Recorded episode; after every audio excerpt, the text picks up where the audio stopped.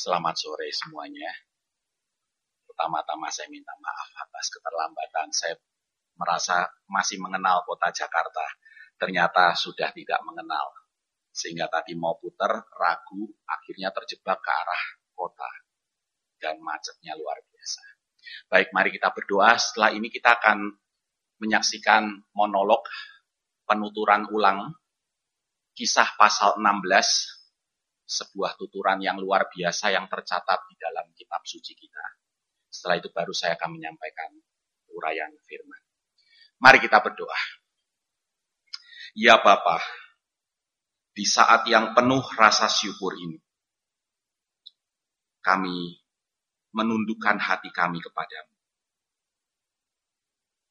Dipayungi oleh tema Living God's Vision, menghidupi visi Allah kami rindu Roh Kudus atau Roh Yesus yang telah mengaruniakan visi kepada Rasul Paulus dan selanjutnya menghisap seluruh rekan-rekannya ke dalamnya kembali bekerja di tengah-tengah kami dan menyegarkan kami dengan visi dari langit sehingga kami bukan sekadar menghafalkan pelang visi.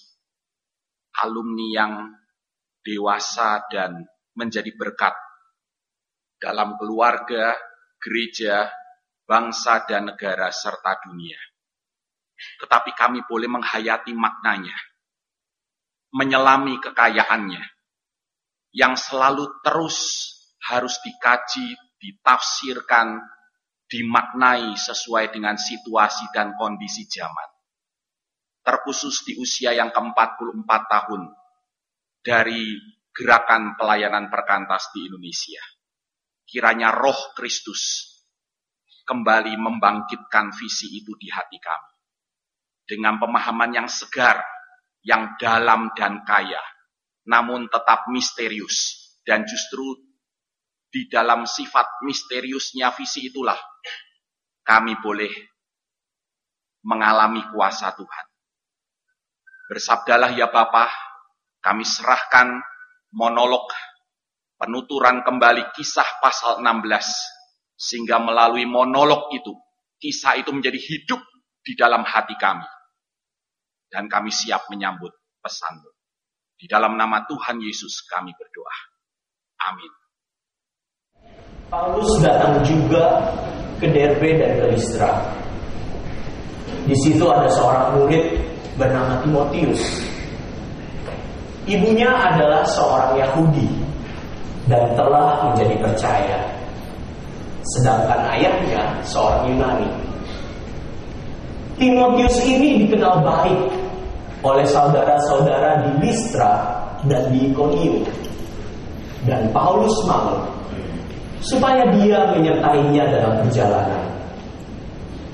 Paulus menyuruh menyunatkan dia karena orang-orang Yahudi di daerah itu.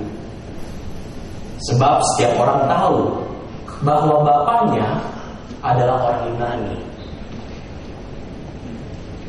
Dalam perjalanan keliling dari kota ke kota, Paulus dan Silas menyampaikan keputusan-keputusan yang diambil para rasul dan para penatua di Yerusalem dengan pesan supaya jemaat-jemaat menurutinya.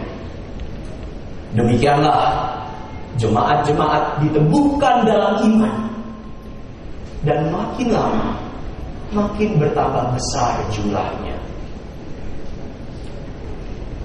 Mereka melintasi tanah Frigia dan tanah Galatia karena Roh Kudus mencegah mereka untuk memberitakan Injil di Asia dan setibanya di Misia, mereka mencoba masuk ke daerah Bitinia. Tetapi Roh Yesus tidak mengizinkan mereka. Setelah melintasi Misia, mereka sampai di Troas. Pada malam harinya, tampaklah oleh Paulus suatu penglihatan. Ada seorang Makedonia berdiri di situ dan berseru kepadanya.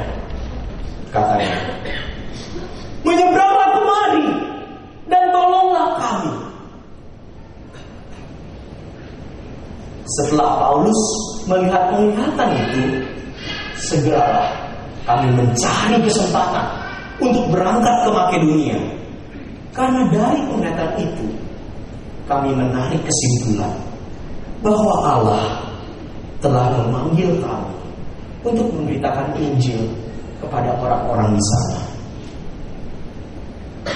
Lalu kami bertolak dari Troas, langsung berlayar ke Samotrake, dan keesokan harinya tibalah kami di Neapolis.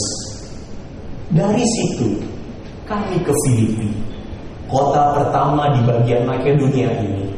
Suatu kota perantauan orang Roma. Di kota itu kami tinggal beberapa hari. Pada hari Sabat, kami keluar pintu gerbang kota. Kami menyusur tepi sungai dan menemukan tempat sembahyang Yahudi yang sudah kami duga ada di situ. Setelah duduk, kami berbicara kepada perempuan-perempuan yang ada berkumpul di situ. Seorang dari perempuan-perempuan itu yang bernama Lydia turut mendengarkan. Ia seorang penjual kain ungu dari kota Tiatira yang beribadah kepada Allah.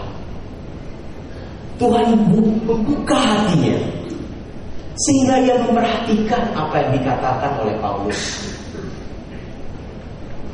Sesudah ia dibaptis bersama-sama dengan seisi rumahnya, ia mengajak kami, katanya, jika kamu berpendapat bahwa aku sungguh-sungguh percaya kepada Tuhan, marilah menumpang di rumahku. Ia mendesak sampai kami menerimanya.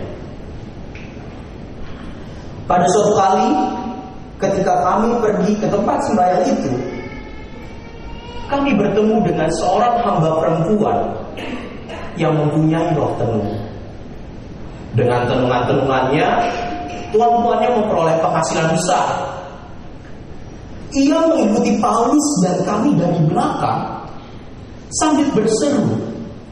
Katanya, orang-orang ini adalah hamba Allah yang maha tinggi. Mereka memerintahkan kepadamu jalan kepada keselamatan. Hal itu dilakukannya beberapa hari lamanya. Tetapi ketika Paulus tidak tahan lagi akan gangguan itu, ia berpaling dan berkata kepada roh itu, Demi nama Yesus Kristus, aku menyuruh kau keluar dari perempuan ini. Seketika itu juga, keluarlah roh itu. Ketika tuan-tuan perempuan itu melihat bahwa harapan mereka mendapat penghasilan lenyap, mereka menangkap Paulus dan Silas, lalu menyeret mereka ke pasar untuk menghadap penguasa. Setelah mereka membawa keduanya menghadap pembesar-pembesar kota itu, berkatalah mereka, katanya, orang-orang ini mengacau kota kita ini karena mereka orang Yahudi dan mereka mengajarkan adat istiadat yang kita sebagai orang Rom tidak boleh menerimanya atau menurutinya. Juga orang banyak bangkit menentang mereka. Lalu pembesar-pembesar kota itu menyuruh mengoyakkan pakaian dari tubuh mereka dan mendera mereka. Setelah mereka berkali-kali didera, mereka dilemparkan ke dalam penjara. Kepala penjara diperintahkan untuk menjaga mereka dengan sungguh-sungguh. Sesuai dengan perintah itu, kepala penjara memasukkan mereka ke ruang penjara yang paling tengah dan membelenggu kaki mereka dalam pasungan yang kuat. Tetapi kira-kira tengah malam Paulus dan Silas berdoa dan menyanyikan puji-pujian kepada Allah. Dan orang-orang hukuman lain mendengarkan mereka.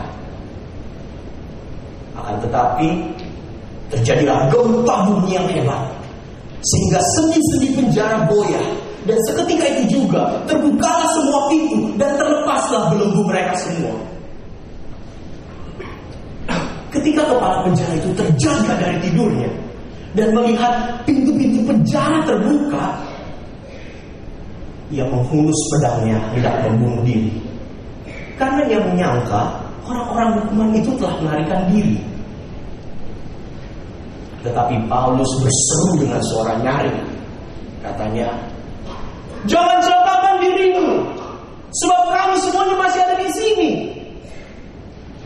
Kepala penjara itu menyuruh membawa suruh lalu berlari masuk. Dan dengan gemetar tersungkurlah ia di depan Paulus dan Silas. Ia mengantar mereka keluar sambil berkata, Tuhan, apa yang harus aku perbuat supaya aku selamat?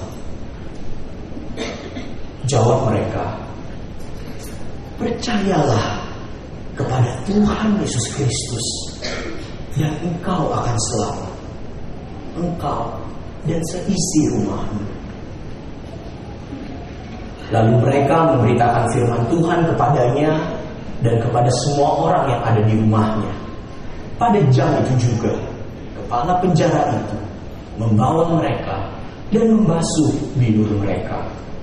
Seketika itu juga, ia dan keluarganya memberi diri dibaptis. Lalu ia membawa mereka ke rumahnya dan menghidangkan makanan kepada mereka.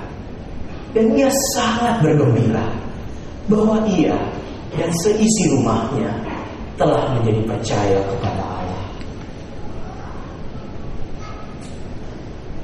Setelah hari siang, pembesar-pembesar kota menyuruh pejabat-pejabat kota menyampaikan pesan kepada kepala penjara.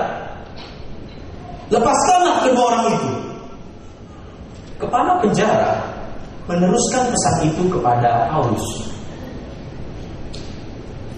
Pembesar-pembesar kota telah menyuruh melepaskan kamu. Jadi keluarlah kamu sekarang dan pergilah dengan selamat. Tetapi Paulus berkata kepada orang-orang itu, tanpa dihadiri, mereka telah mendera kami, warga negara-warga negara Roma, di muka umum, lalu melemparkan kami ke dalam penjara. Sekarang, mereka mau mengeluarkan kami dengan diam-diam? Tidak mungkin demikian. Biarlah mereka datang sendiri dan membawa kami keluar. Pejabat-pejabat itu menyampaikan perkataan itu kepada pembesar-pembesar kota. Ketika mereka mendengar bahwa Paulus dan Silas adalah orang Rum, maka takutlah mereka. Mereka datang minta maaf, lalu membawa kedua rasul itu keluar dan memohon supaya mereka meninggalkan kota itu. Lalu mereka meninggalkan penjara itu dan pergi ke rumah Lydia. Dan setelah bertemu dengan saudara-saudara di situ dan menghiburkan mereka, berangkatlah kedua rasul itu. Kita berikan tepuk tangan dulu ya untuk Roy. Saya bersyukur ya bisa melihat monolog tadi. Saya pikir ini salah satu tradisi yang sudah hilang dalam hidup bergereja. Padahal kalau kita mempelajari sejarah gereja, ada era di mana tradisi membaca Alkitab secara monolog seperti itu sempat mencirikan kehidupan ibadah Kristen. Tapi sekarang hampir kita tidak mendengarnya lagi. Selamat sore sekali lagi Bapak Ibu sekalian, atau saya sebut abang-abang, kakak-kakak, adik-adik, perkantas, lama tidak ketemu, masih banyak wajah yang saya kenal di bagian depan, tapi yang di bagian belakang saya sudah e, merasa asing. Tapi bagaimanapun juga kita semua terhisap di dalam visi yang mulia yang kita rayakan dan syukuri pada hari ini. Apalagi kita juga melihat teladan nyata Bagaimana visi itu menghisap satu putra bangsa, salah satu yang terbaik, Kak Tadius Gunadi, yang sudah melayani di perkantas lebih dari seperempat abad ya, Kak Tadius ya. Lebih dari separuh usia perkantas di Indonesia. Tema yang uh, kita angkat hari ini adalah Living God's Vision. Dan tadi sudah kita dengar kisah suci dari kisah pasal 16. Saya akan mengulang empat ayat. Dan saya akan fokus pada keempat ayat itu. Yang pertama ayat 8, 9, 10, 14, dan 15. 5 ayat ya ayat 8, 9, 10, 14, dan 15. Demikian bunyinya. Setelah melintasi Misia, mereka sampai di Troas. Paulus dan rombongannya sampai di Troas, di tepi laut Aegea. Pada malam harinya tampaklah oleh Paulus suatu penglihatan. Ada seorang Makedonia, atau lebih tepat, ada seorang laki-laki Makedonia berdiri di situ dan berseru kepadanya, katanya, menyeberanglah kemari dan tolonglah kami. Setelah Paulus melihat penglihatan itu, segeralah kami mencari kesempatan untuk berangkat ke Makedonia. Karena dari penglihatan itu, kami menarik kesimpulan bahwa Allah telah memanggil kami untuk memberitakan Injil kepada orang-orang di sana. Untuk ayat 10 ini perhatikan peralihan dari kata mereka di ayat-ayat sebelumnya menjadi kata kami. Ayat 14. Seorang dari perempuan-perempuan itu yang bernama Libya turut mendengarkan. Ia seorang penjual kain ungu dari kota Tiatira yang beribadah kepada Allah. Tuhan membuka hatinya sehingga ia memperhatikan apa yang dikatakan oleh Paulus. Ayat 15, Sesudah ia dibaptis bersama-sama dengan seisi rumahnya, ia mengajak kami katanya, jika kamu berpendapat bahwa aku sungguh-sungguh percaya kepada Tuhan, marilah menumpang di rumahku. Ia mendesak sampai kami menerimanya. Kata yang saya garis bawahi di ayat 15 adalah kata mendesak. Nah, sampai di situ, Bapak Ibu sekalian, kisah suci menuturkan kepada kita bahwa masuknya Injil ke Makedonia, provinsi Romawi kuno dengan ibu kotanya Tesalonika dimulai dengan sebuah visi atau penglihatan misterius di seberang lautan.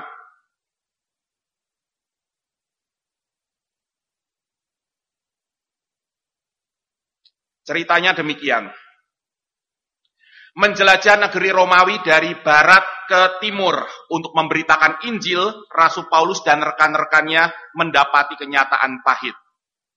Mereka tidak dapat masuk ke Asia di sebelah barat dan selatan. Mereka juga tidak dapat masuk ke Bitinia di sebelah utara. Jadi utara, barat, selatan tertutup, ya. Mengapa? apa pun yang terjadi, apa pun yang merintangi, itu dipandang oleh penulis kisah para rasul sebagai karya roh kudus atau roh Yesus. Nah ini menarik. Roh kudus adalah roh Yesus. Sebutan Yesus bukan Tuhan, bukan Kristus yang digunakan di sini. Sebutan ini sangat insani dan tentunya memiliki makna teologis tersendiri. Di tengah kegagalan demi kegagalan itu, Yesus, ini sebutan sangat insani ya, ingat ya. Allah yang mendaging itu. Jadi mendagingnya Allah itu yang mau disoroti. Lewat sebutan insaniah ini. Yesus, Allah yang mendaging itu, bukan saja memimpin, tapi juga menyertai umatnya. Rombongan misi Rasul Paulus. Sama seperti dahulu ia memimpin murid-muridnya berkeliling Palestina dan berbagi suka duka dengan mereka. Demikian pun ia kini memimpin rombongan Paulus menjelajahi negeri Romawi dari barat sampai timur dan berbela rasa dengan mereka. Bersama Yesus, kegagalan bukanlah akhir cerita.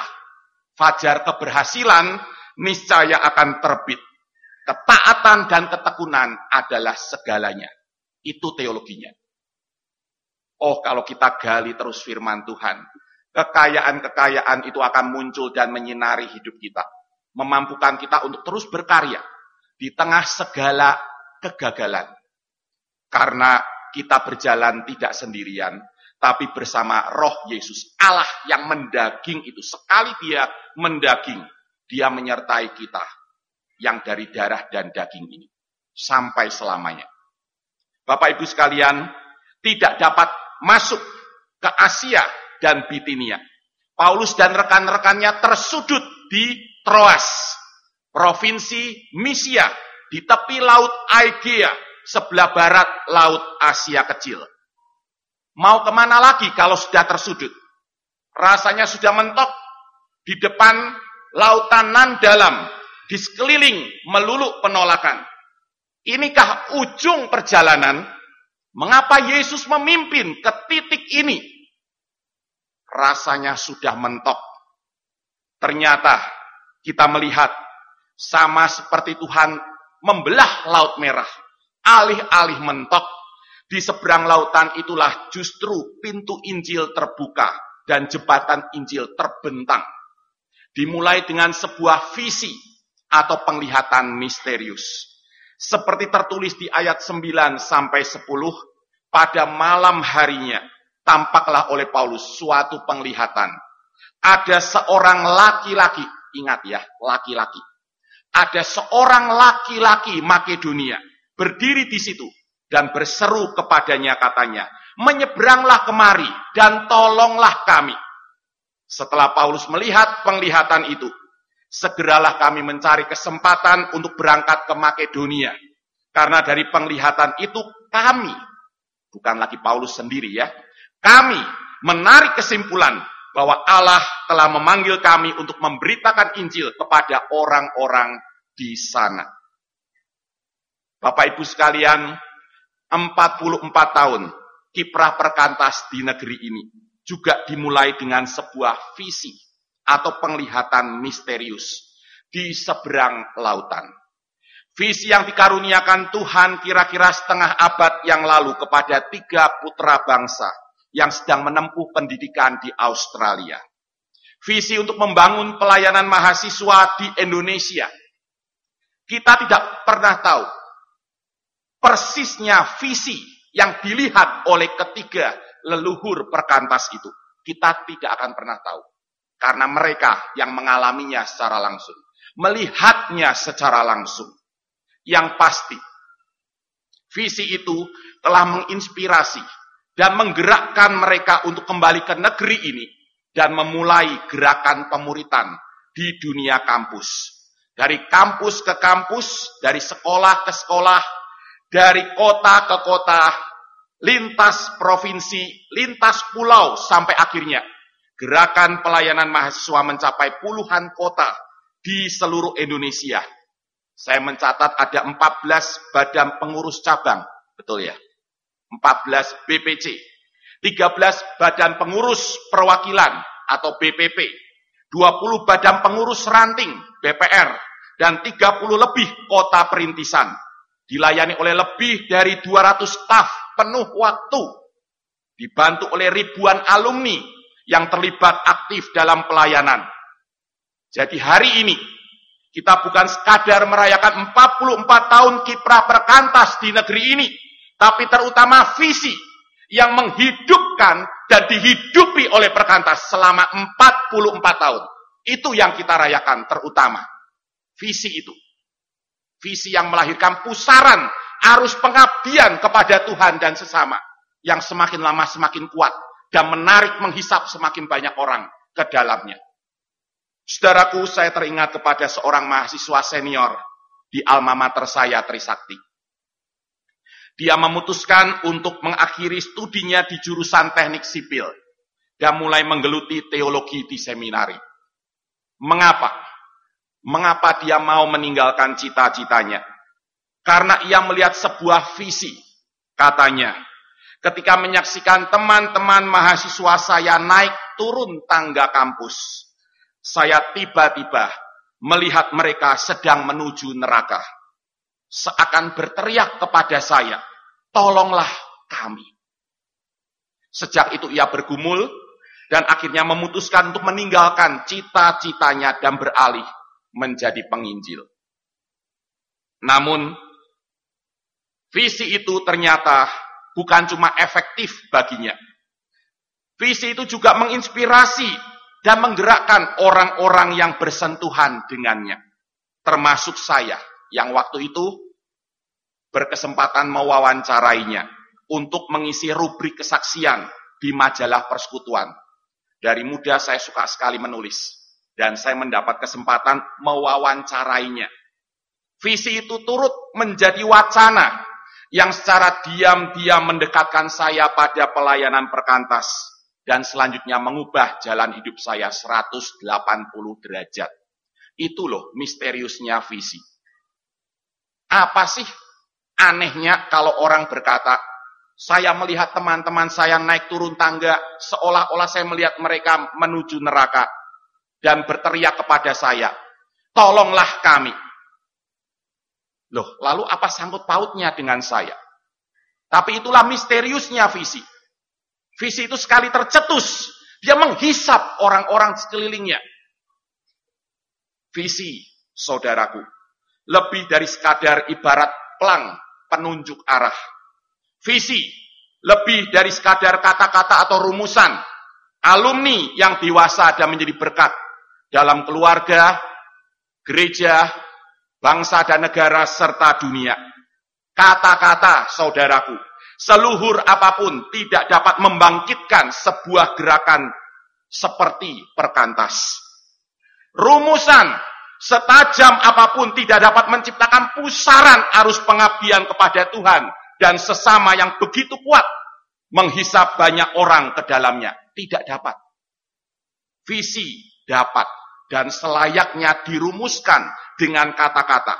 Namun kata-kata setajam dan seluhur apa pun tidak pernah cukup untuk menjelaskan kedalaman dan keagungan visi Tuhan. Visi selalu sampai kapan pun juga melampaui semua rumusannya. Visi itu misterius dan di situlah justru letak kekuatan visi pada sifat misteriusnya. Hari ini kita merayakan misteriusnya visi yang melahirkan gerakan pemuritan melalui perkantas. Bukankah visi yang dilihat Paulus di seberang lautan itu bersifat misterius? Coba, begitu tercetus, ia menghisap orang-orang yang bersentuhan dengannya. Bukan cuma Paulus yang melihatnya secara langsung, tapi juga orang-orang di sekelilingnya. Dan itulah yang ditunjukkan secara sastrawi secara jenius literer oleh penulis kisah para rasul oleh peralihan kata ganti mulai ayat 10. Dari kata ganti orang ketiga jamak mereka, Paulus dan rombongannya. Menjadi kata ganti orang pertama jamak kami di ayat 10 dan seterusnya. Ada yang berpendapat bahwa peralihan itu menandakan mulai bergabungnya penulis atau Lukas ke dalam rombongan Paulus. Yang lain berpendapat bahwa peralihan itu menunjukkan penggabungan dua cerita dari dua sumber yang berbeda. Sumber yang pertama menggunakan kata ganti mereka, sumber yang lain menggunakan kata ganti kami, lalu dipadukan. Maka muncul mereka dan kami bergantian yang lain lagi berpendapat bahwa peralihan itu adalah sekadar teknik bernarasi. Mana yang benar sampai hari ini tidak ada kata sepakat. Namun bagi saya, peralihan itu bermakna teologis. Lebih daripada penggabungan dua cerita dari dua sumber yang berbeda lebih daripada bergabungnya Lukas ke dalam kisah ini. Dan lebih daripada sekadar teknik bertutur. Yang ingin disuarakan oleh kisah suci ini adalah bahwa visi itu kiprah Allah yang misterius, yang menghisap orang-orang yang bersentuhan dengannya, menjadikan mereka yang tadinya hanya penonton menjadi pemain. Mereka tadinya melihat, oh mereka, sekarang mereka bergabung, kami. Yang tadinya penonton, kini menjadi pemain. Yang tadinya hanya mengekor, ikut-ikutan, kini menjadi mitra yang sepadan. Yang tadinya melulu dipimpin, disuruh ini itu, sekarang menjadi ikut memimpin, berinisiatif, turut berpikir, turut berkreasi, turut berinovasi. Intinya, visi itu memadukan hati kita, pikiran kita, dan gerak langkah kita. Maka itulah titik dimulainya sebuah gerakan. Visi itu misterius. Visi itu merubah mereka menjadi kami. Visi itu merubah perkantas menjadi gue banget. Perkantas adalah saya. Itu kekuatan visi.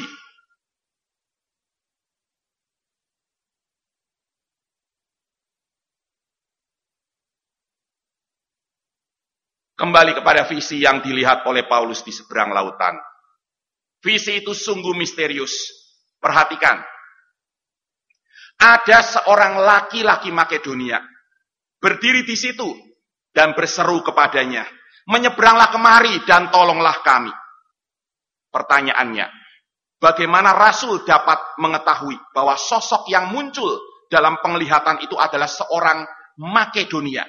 Makedon artinya adalah penduduk Makedonia.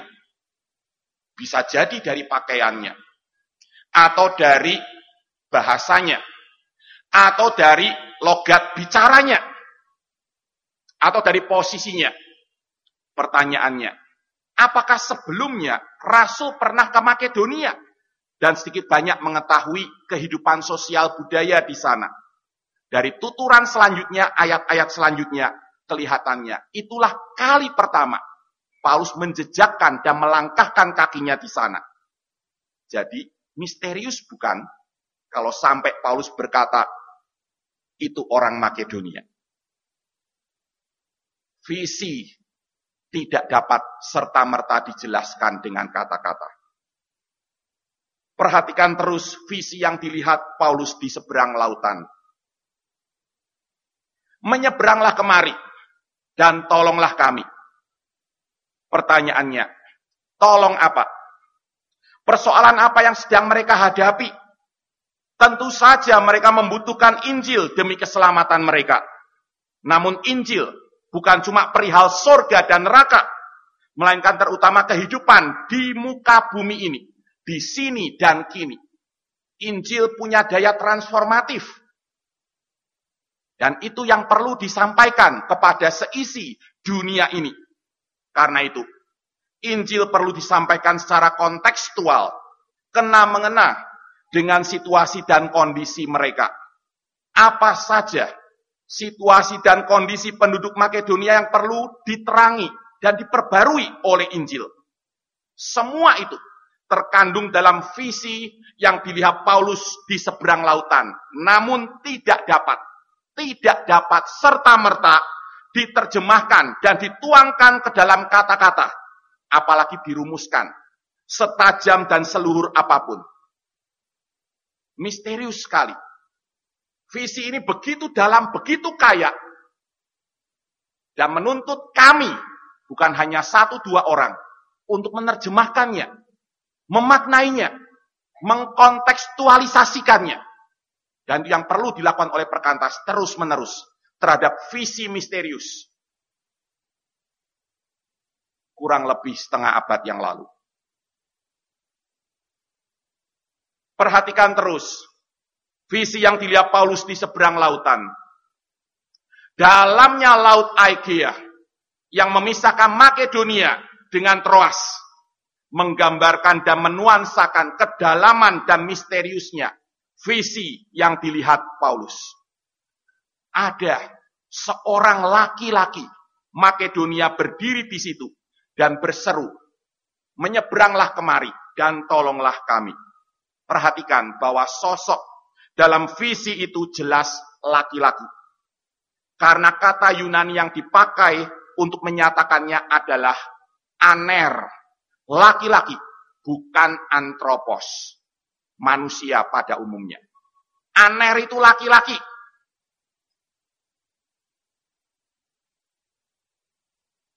Padahal kalau kita baca terus, sosok pertama di Makedonia yang menyambut Injil siapa?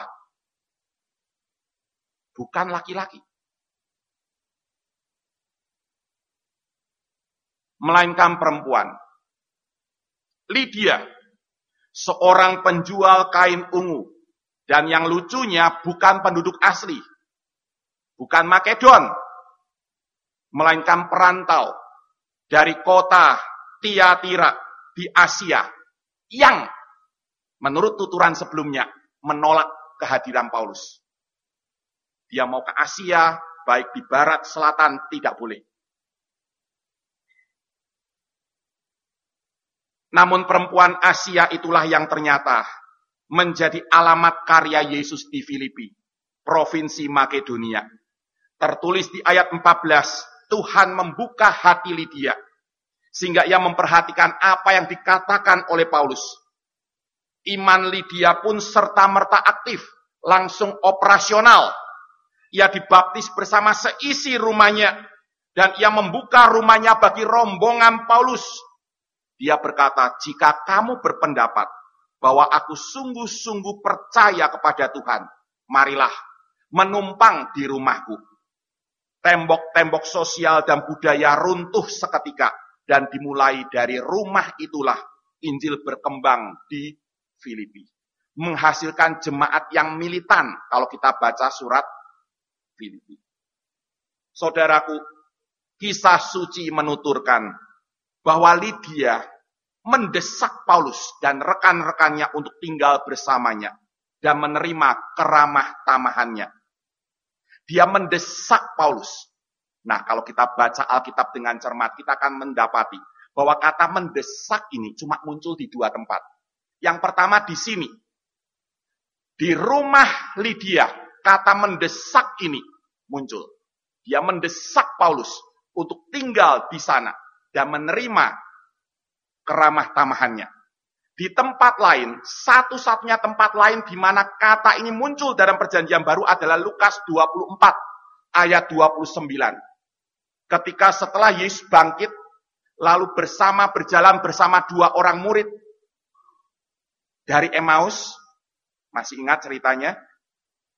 Sampai malam hari, Yesus mau meneruskan perjalanan mereka mendesak dia untuk tinggal bersama mereka malam itu kata yang dipakai, bahkan bahasanya persis, mirip sekali.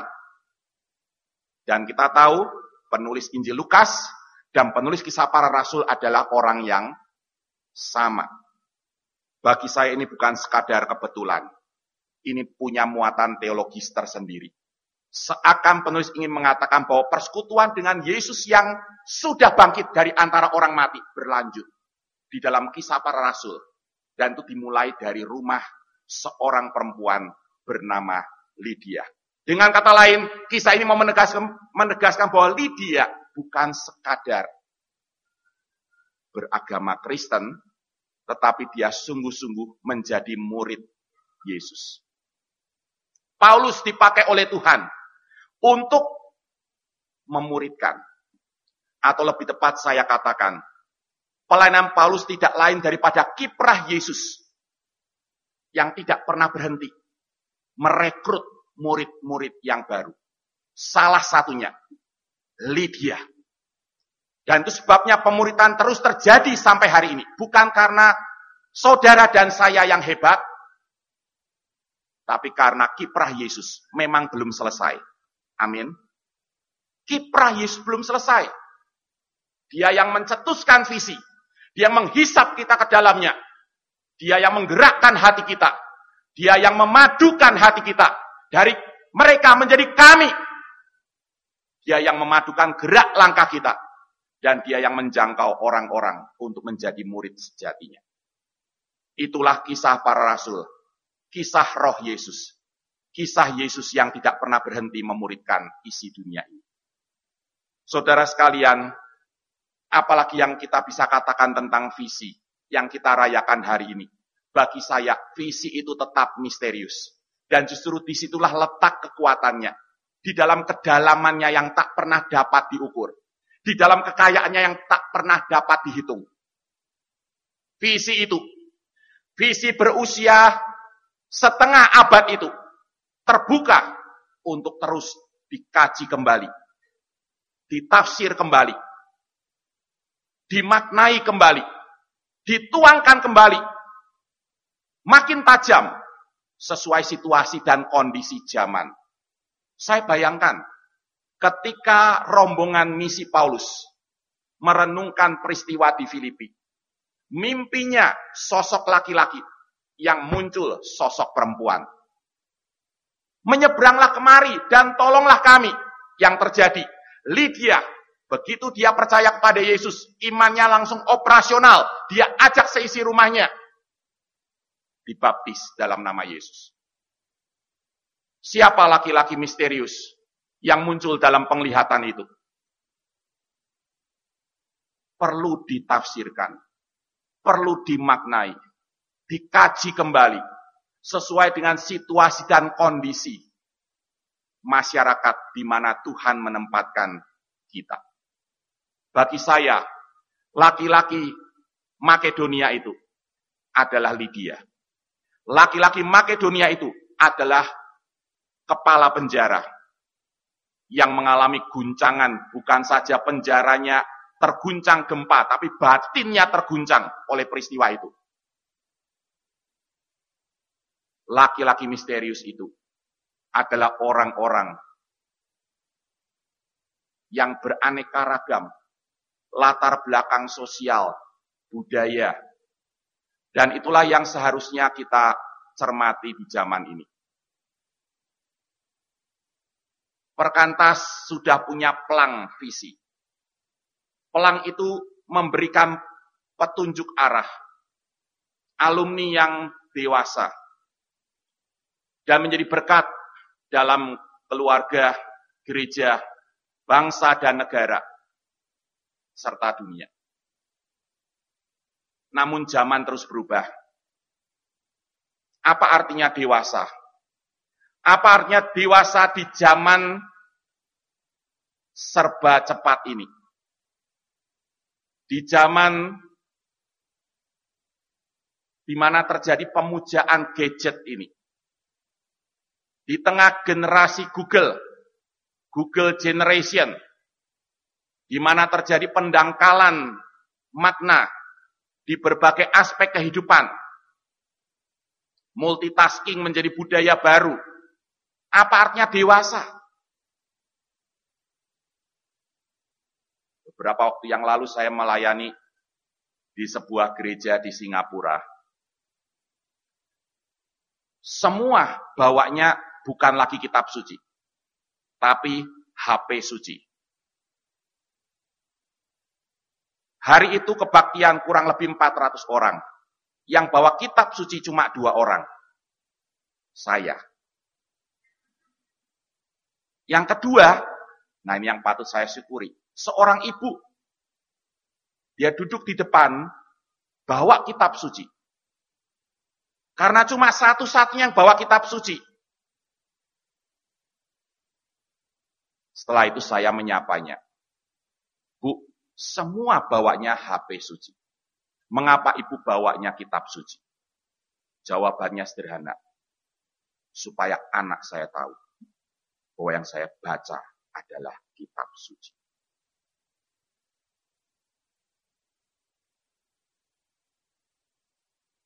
Jelas. Kalau bapak ibu ke gereja bawanya HP suci, orang tahu yang sedang Bapak Ibu baca itu apa? Dia sengaja, sampai kapan pun juga dia akan bawa kitab suci. Supaya anak-anaknya tahu. Dia baca kitab suci. Yang dia baca kitab suci. Waktu saya tanya, apa sih kerinduan ibu yang paling dalam? Dia jawab sederhana sekali. Saya rindu anak-anak saya cinta kitab suci. That's all.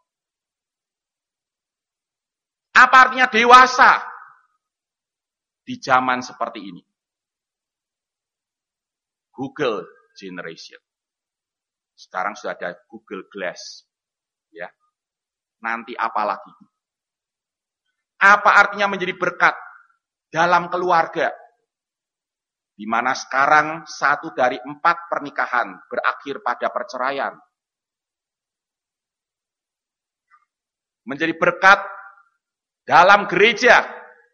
Kalau kita tidak menggeluti kehidupan bergereja, bagaimana kita bisa menjadi berkat dalam gereja. Berkat dalam bangsa dan negara. Saya ingat sekali Kak Tadius pernah mengatakan bahwa seorang nabi selalu memegang dua tulisan yang penting. Di tangan kirinya ada kitab suci, di tangan kanannya ada koran, bukan koran suci ya. Maksudnya berita dunia, berita, ikuti berita. Sehingga dia mampu menyampaikan pesan itu secara kontekstual. Saya tidak tahu Kak Tatis masih ingat enggak dengan pesan itu, tapi itu saya ingat sampai hari ini. Dan saya berusaha jadi nabi yang baik Kak Tatis. Terima kasih. Dewasa dalam bangsa dan negara. Dia uh, berkat dan berkat bagi dunia. Apa artinya? Saudara sekalian, visi setengah abad yang lalu itu sangat misterius, sangat dalam tak terselami, sangat kaya tak terukur.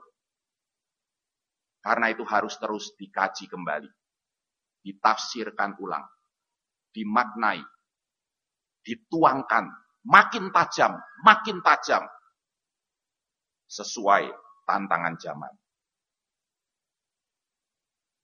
Jadi hari ini sekali lagi, kita bukan sekadar merayakan 44 tahun kiprah perkantas di Indonesia tercinta. Tetapi lebih daripada itu kita merayakan visi misterius. Setengah abad yang lalu. Yang telah melahirkan, menciptakan pusaran arus pengabdian di negeri ini sampai hari ini menghidupkan gerakan pemuritan sampai hari ini. Dan yang memanggil kita untuk menghidupinya setiap hari. Visi yang telah menghisap banyak orang, salah satunya kata Dius Gunadi. Lebih dari seperempat abad, lebih dari separuh usia perkantas. Betapa misteriusnya visi itu. Dulu waktu kata Dius masih sangat muda, saya masih jauh lebih muda lagi. Omongan-omongan di PMK adalah, kok orang seganteng itu mau jadi staff ya? Ini kan misterius.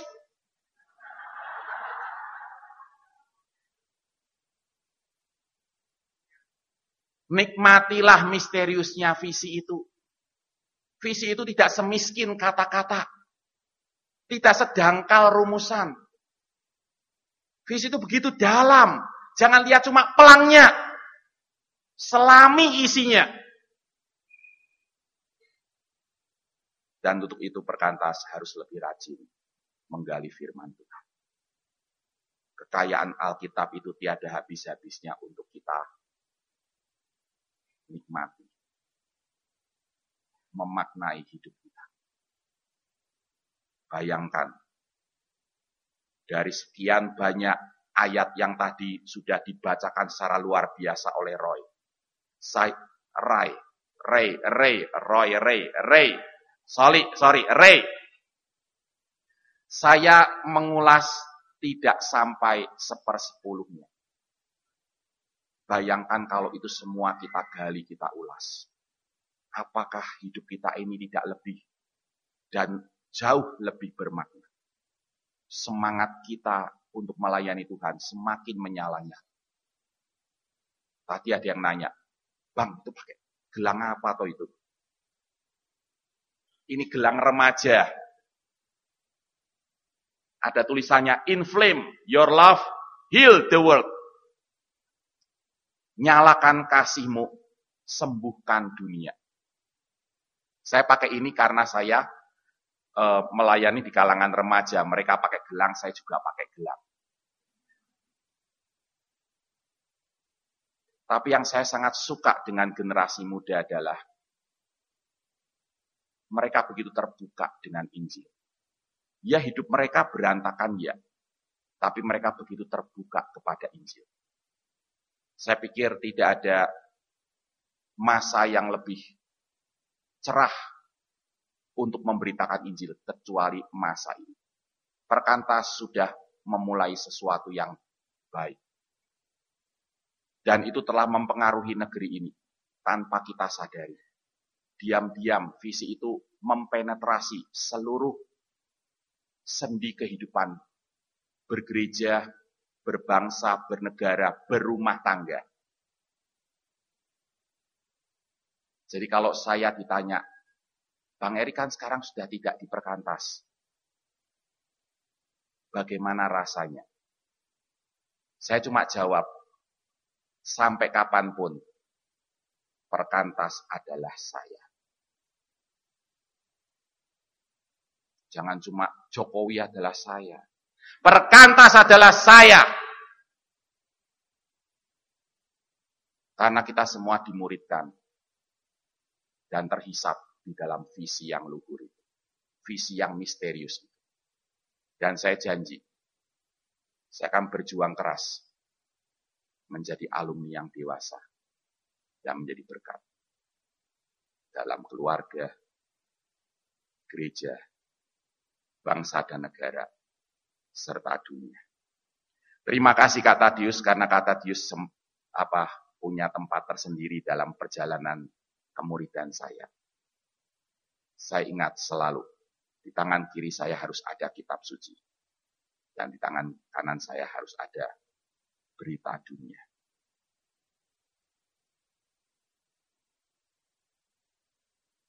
Perkantas adalah Perkantas adalah sama-sama yuk. Satu, dua. Perkantas adalah orang semangat. Jangan sayanya doang. Saya ngomong perkantas adalah saya, Bapak Ibu, Saudara cuma jawab sayanya aja. Sama-sama, perkantas adalah saya. Satu, dua, tiga. Perkantas adalah saya. Ayo kita kepalkan tangan kita. Perkantas adalah saya. Perkantas adalah saya.